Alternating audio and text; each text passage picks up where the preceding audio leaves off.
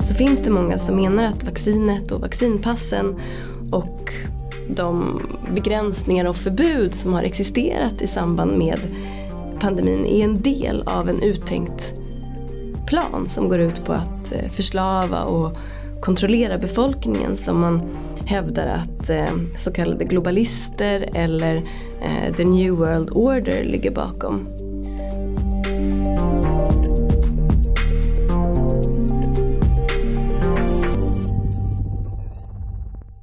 Början av 2021 åtalades två unga män i Sverige för vad åklagaren beskriver som Sveriges första fall med kopplingar till ekofascism. Samtidigt har coronapandemin gynnat spridningen av gröna fascistiska idéer och dessutom stärkt samarbetet mellan olika radikala grupperingar. Detta konstateras i FOI-rapporten Fascismens gröna rötter, konspirationsteorier, kris och kollaps som vi idag ska prata mer om tillsammans med Hanna Pollack Sarnecki, rapportförfattare och forskare på FOI. Välkommen till Rapporterat. Tack. Vi börjar med det grundläggande. Vad är ekofascism? Ekofascism eller grön fascism är en integrerad del av fascistisk ideologi och har alltid varit det. Och där tror jag är viktigt att komma ihåg, det vill säga att det här inte är ett nytt fenomen även om budskapen paketeras olika i olika tider och också anpassas efter rådande omständigheter. Gröna frågor inom fascistisk ideologi involverar till skillnad ifrån aktivismen i den bredare eh, och demokratiska miljörörelsen bland annat idéer om eh, människors nedärvda kopplingar eller blodsband till ett visst territorium, det vill säga idéer om blod och jord och inom den gröna fascismen så vävs frågor om naturen, miljön, ekologin samman med nationalism, rasism och även rasideologi. Inom den gröna fascismen så, så blandas också naturmysticism med föreställningar om överbefolkning där vissa grupper som immigranter, eh, flyktingar, icke-vita, muslimer, judar och eh, icke-europeer eh, påstås utgöra en belastning och ett hot mot planetens eh, framtida existens och överlevnad. Grön fascism handlar också om ett motstånd mot det moderna samhället som utmålas som smutsigt, eh, korrupt och dekadent. Och det många inte känner till är att det i våldsbejakande radikalnationalistiska miljöer ofta förespråkas närodlad och ekologisk kost vilket hänger ihop med idéer om renhet och hälsa eh, men det har också att göra med tankar om suveränitet, självförsörjning, eh, antiglobalism och, och protektionism. Och det här har i sin tur att göra med en vilja att, eh, att frigöra sig från det globala systemet och om att inte vara beroende av det system man vill krossa ett system som man i ekofascistiska sammanhang eh, hävdar att judar ligger bakom. Och ett centralt inslag med lång tradition i de här miljöerna som jag nu har pratat om eh, är prepping. Det vill säga att man, man förbereder sig för en kommande samhällskollaps. Vad man ser som eh, ett stundande raskrig. Ett krig man menar är nödvändigt för att bana väg för en ny samhällsordning där vita europeer dominerar. Och delar av de här rörelserna eh, uppmuntrar också till grova våldsdåd för att den här förändringen ska ske snabbare. Men sen vill jag också eh, lägga till att det här gröna fascistiska tankegodset existerar i eh, olika former i många olika typer av grupperingar. Det vill säga inte bara i de här mest extremistiska och våldsbejakande miljöerna. Och när började, om vi ska kalla det för gröna idéer, när började de bli populära och vad är det som gör dem så attraktiva? Alltså gröna strömningar har alltid funnits inom de fascistiska rörelserna som jag nämnde tidigare. Eh, och den gröna fascismen har rötter i 1700-talets och 1800-talets naturromantik och eh, naturmysticism och i 1900-talets nationalsocialism och fascism. Jag tror att det är svårt att ge liksom, ett kortfattat svar på vad det är som gör de här idéerna attraktiva för att det här är ett så mångfacetterat fenomen. Eh, men till att börja med så tror jag att fascismens romantiska och mystiska förhållningssätt till naturen kan utgöra en lockelse för en del. Sen har fascistiska rörelser alltid varit bra på att anpassa sina budskap efter rådande tider och, och samhällstrender.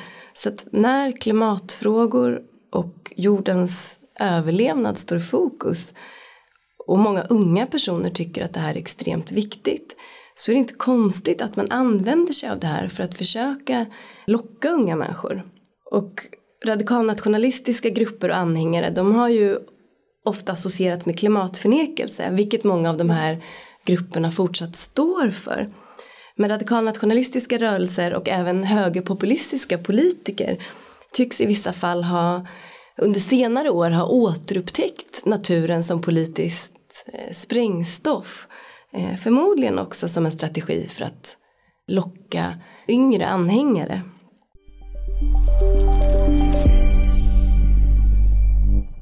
I rapporten beskriver du att eh, coronapandemin gynnat spridningen av gröna fascistiska idéer. På, på vilket sätt? Alltså pandemin har ju väckt en massa frågor om människans liksom, relation till naturen, till djuren, till miljön eh, och till mänsklighetens existens på planeten. Och viruset har också lett till ibland väldigt hetska diskussioner om Eh, hälsa, kost, livsstil, eh, medicinering och inte minst vaccinering. Eh, samtidigt som pandemin precis som alla kriser har lett till frågor om vem som är ansvarig för viruset och om vem som kan tänkas tjäna på eh, den här krisen. Och sen är det ju så att mm, alla kriser politiseras. Och det är inte konstigt att grupper med ett stort våldskapital eh, som har som mål att omstörta samhället och skapa kaos försöker använda sig av den här typen av kris för att försöka göra just det eh, och också för att sprida sina idéer och rekrytera anhängare. Du nämner också att radikala grupper har närmat sig varandra under pandemin. Eh, berätta gärna mer om, om det. Vi har sett under pandemin hur radikalnationalistiska grupperingar och eh, mer new age-inspirerade och alternativmedicinska grupperingar har gått samman eh, i ett ifrågasättande av staten, ett ifrågasättande av eh, vetenskapens legitimitet och eh, ett ifrågasättande av mainstream medier. Och också att man har enats via eh, rasistiska föreställningar och ett konspiratoriskt tänkande kring vem som styr eh, världen. Och bland de som har motsatt sig coronarestriktioner och också vaccinering och som är skeptiska mot myndigheter och mot vetenskap så finns det många som menar att vaccinet och vaccinpassen och de begränsningar och förbud som har existerat i samband med pandemin är en del av en uttänkt plan som går ut på att eh, förslava och kontrollera befolkningen som man hävdar att eh, så kallade globalister eller eh, the new world order ligger bakom.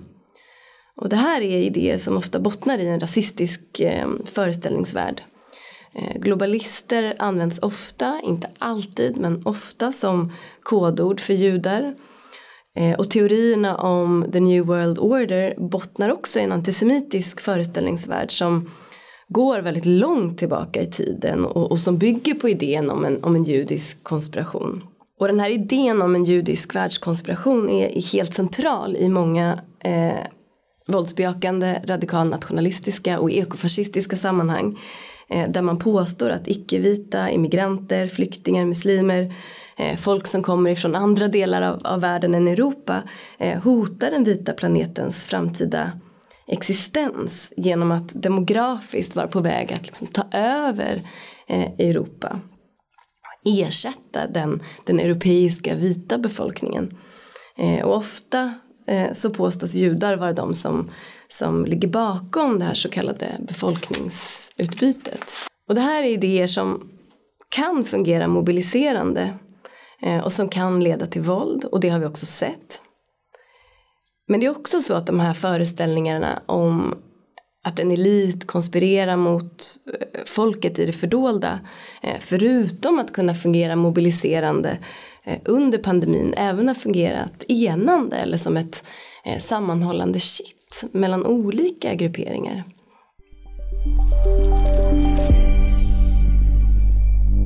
Vi har pratat lite om konspirationsteorier. Vad är det som kännetecknar en konspirationsteori? Ofta handlar konspirationsteorier om att eh, en historisk eller en, en politisk händelse eller flera olika händelser påstås ha inträffat som en konsekvens av en noga uträknad eh, plan genomförd av en mindre grupp individer med mycket makt. Enligt eh, statsvetaren Barkun, eller Barkun, så kännetecknas en konspirationsteori av eh, föreställningen att inget händer av en slump Eh, ingenting är som det verkar och allt hänger ihop.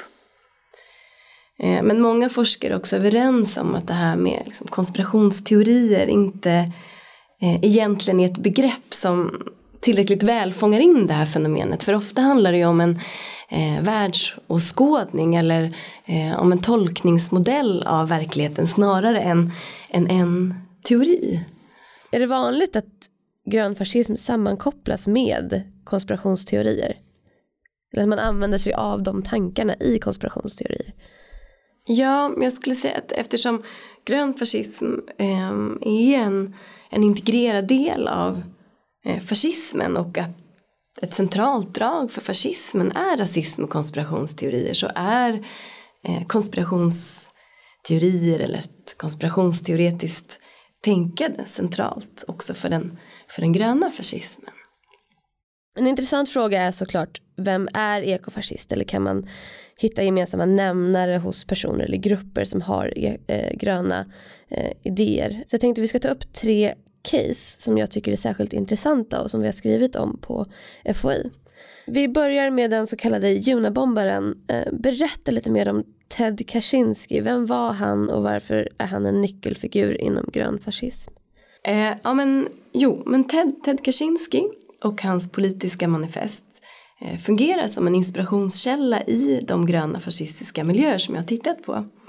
Eh, Kaczynski som dödade eh, Eh, ett antal personer, tre om jag minns rätt, och skadade ett större antal personer i USA. Han flyttade ut i vildmarken eh, och levde helt isolerad under ett antal år. Och Kaczynski beskriver i det här manifestet som jag har analyserat närmare. Eh, framförallt de stora problem som han menar att den teknologiska utvecklingen medför. Och han menar att allt det som leder bort ifrån eh, ett naturligt sätt att leva på, teknik och även medicin och vetenskap eh, är farligt. Och Kaczynski han vänder sig liksom starkt emot det moderna samhället eh, och emot det han kallar och beskriver som makten. Och i det här manifestet så ägnar han stort utrymme åt att prata om den här makten och om vänsterrörelsen som man helt menar är styrd av makten och som man också menar utgör eh, det största hotet mot samhället. Och en person som, som präglats av Kaczynskis teorier är massmördaren Anders Behring Breivik i Norge. Eh, och han använde stora delar av Kaczynskis manifest i sitt eget politiska manifest en text som Brenton Tarrant, som vi ska prata lite mer om strax tror jag, eh, inspirerades av när han 2019 sköt mot muslimer eh, i två olika moskéer i Christchurch, Nya Zeeland. Och Tarrants text i sin tur hyllas i ett manifest skrivet av Patrick Crusius som sköt ner ett antal människor i El Paso, Texas. Och här i Sverige så åtalades två unga män förra året för mordbrand med ekofascistiskt motiv.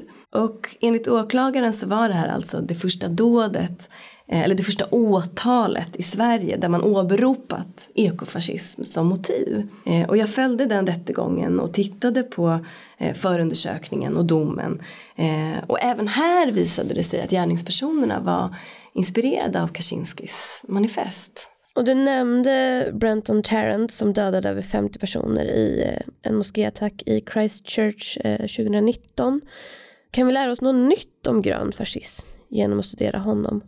Det går i alla fall genom att analysera Tarrants eh, så kallade manifest, att förstå hur han använder fascismens gröna rötter och av konspiratoriska idéer om att den europeiska vita civilisationen är hotad för att eh, motivera sina våldsdåd.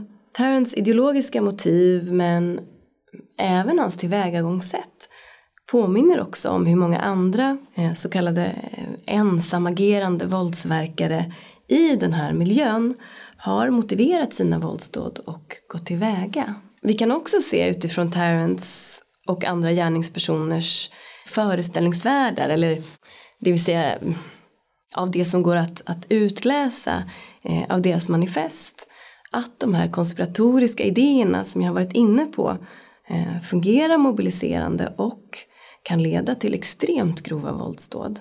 Och de här teorierna som jag har beskrivit de existerar i, i, i olika varianter och det finns det här som kallas ersättningsteorin som jag varit inne på eller Urabia-myten eh, och det finns också den som handlar om att det, det pågår ett folkmord på vita.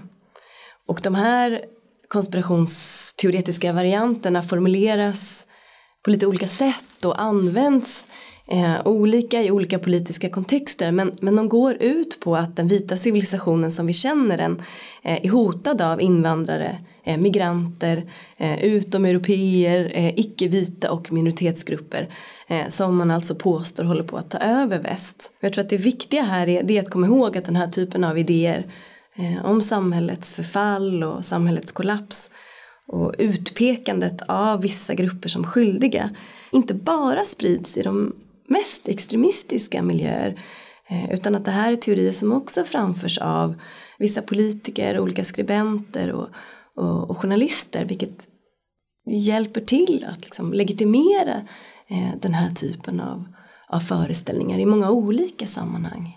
Och så har vi det svenska fallet som jag nämnde i introt. Vad är bakgrunden i det fallet? Vi har nämnt att det var en mordbrand. Går det att säga något om hur utbredd grön fascism är i Sverige? Om jag börjar bara och säga någonting om mordbranden då så eh, är bakgrunden att två unga män eh, år 2019 brände ner en minkfarm i Sölvesborgstrakten eller satte eld på en minkfarm i Sölvesborgstrakten. Och själva hävdade de att de drevs av ett djur och naturvårdande eh, intresse och deras advokater menade att eh, det här i första hand skulle ses som, som ett pojkstreck. Eh, medan åklagaren hävdade att motivet för den här branden eh, var ekofascism med grund i högerextrem ideologi. Och jag följde den här rättegången eh, och analyserade också förundersökningsmaterialet och, och domen. Och det visade sig att de här männen de hade funderat kring flera olika möjliga mål för ett attentat. Bland annat en abortklinik i Stockholm. Och det är också tydligt att de delade en djupt rasistisk världsbild. Och eh, åtminstone eh, en av dem hade ett starkt intresse för Hitler och andra världskriget. Eh, men även ett starkt intresse för eh, vapen och, och explosiva ämnen. Och det visade sig också att de här unga männen, framförallt den, den, den yngsta gärningspersonen, eh, var del av gröna fascistiska och accelerationistiska eh, grupperingar i USA eh, som med hjälp av eh, grova våldsdåd eh, vill påskynda samhällets kollaps och som aktivt rekryterat unga anhängare i Europa och också i Sverige. Och, och vad gäller omfattningen eh, som du var inne på och hur utbredd grön fascism är i Sverige så kan jag inte säga någonting om det men det jag kan säga är att vi ser att, att gröna fascistiska idéer idag sprids i många olika sammanhang och i takt med att klimatförändringarna blir allt mer påtagliga och uppmärksammas allt mer eller när andra typer av kriser uppstår som en pandemi eh, så kan man förstås tänka sig, vilket vi också har sett nu, att gröna fascistiska idéer eh, lättare kan frodas och få fäste.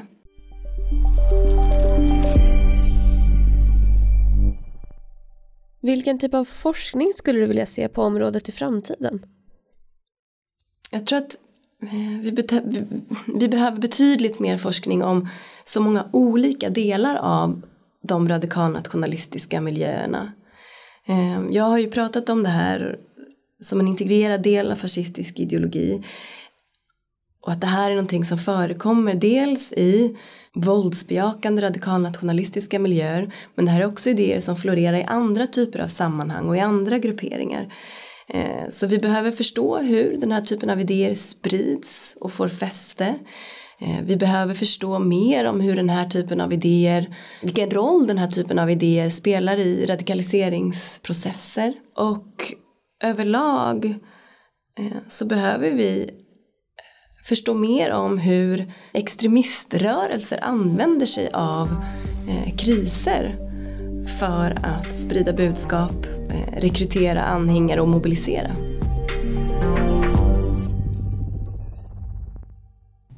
Den här podcasten har producerats av Totalförsvarets forskningsinstitut. Jag som pratar heter Madeleine Westerlund och i poddredaktionen sitter även Albert Hager Bernats och Maria Hugosson Bygge.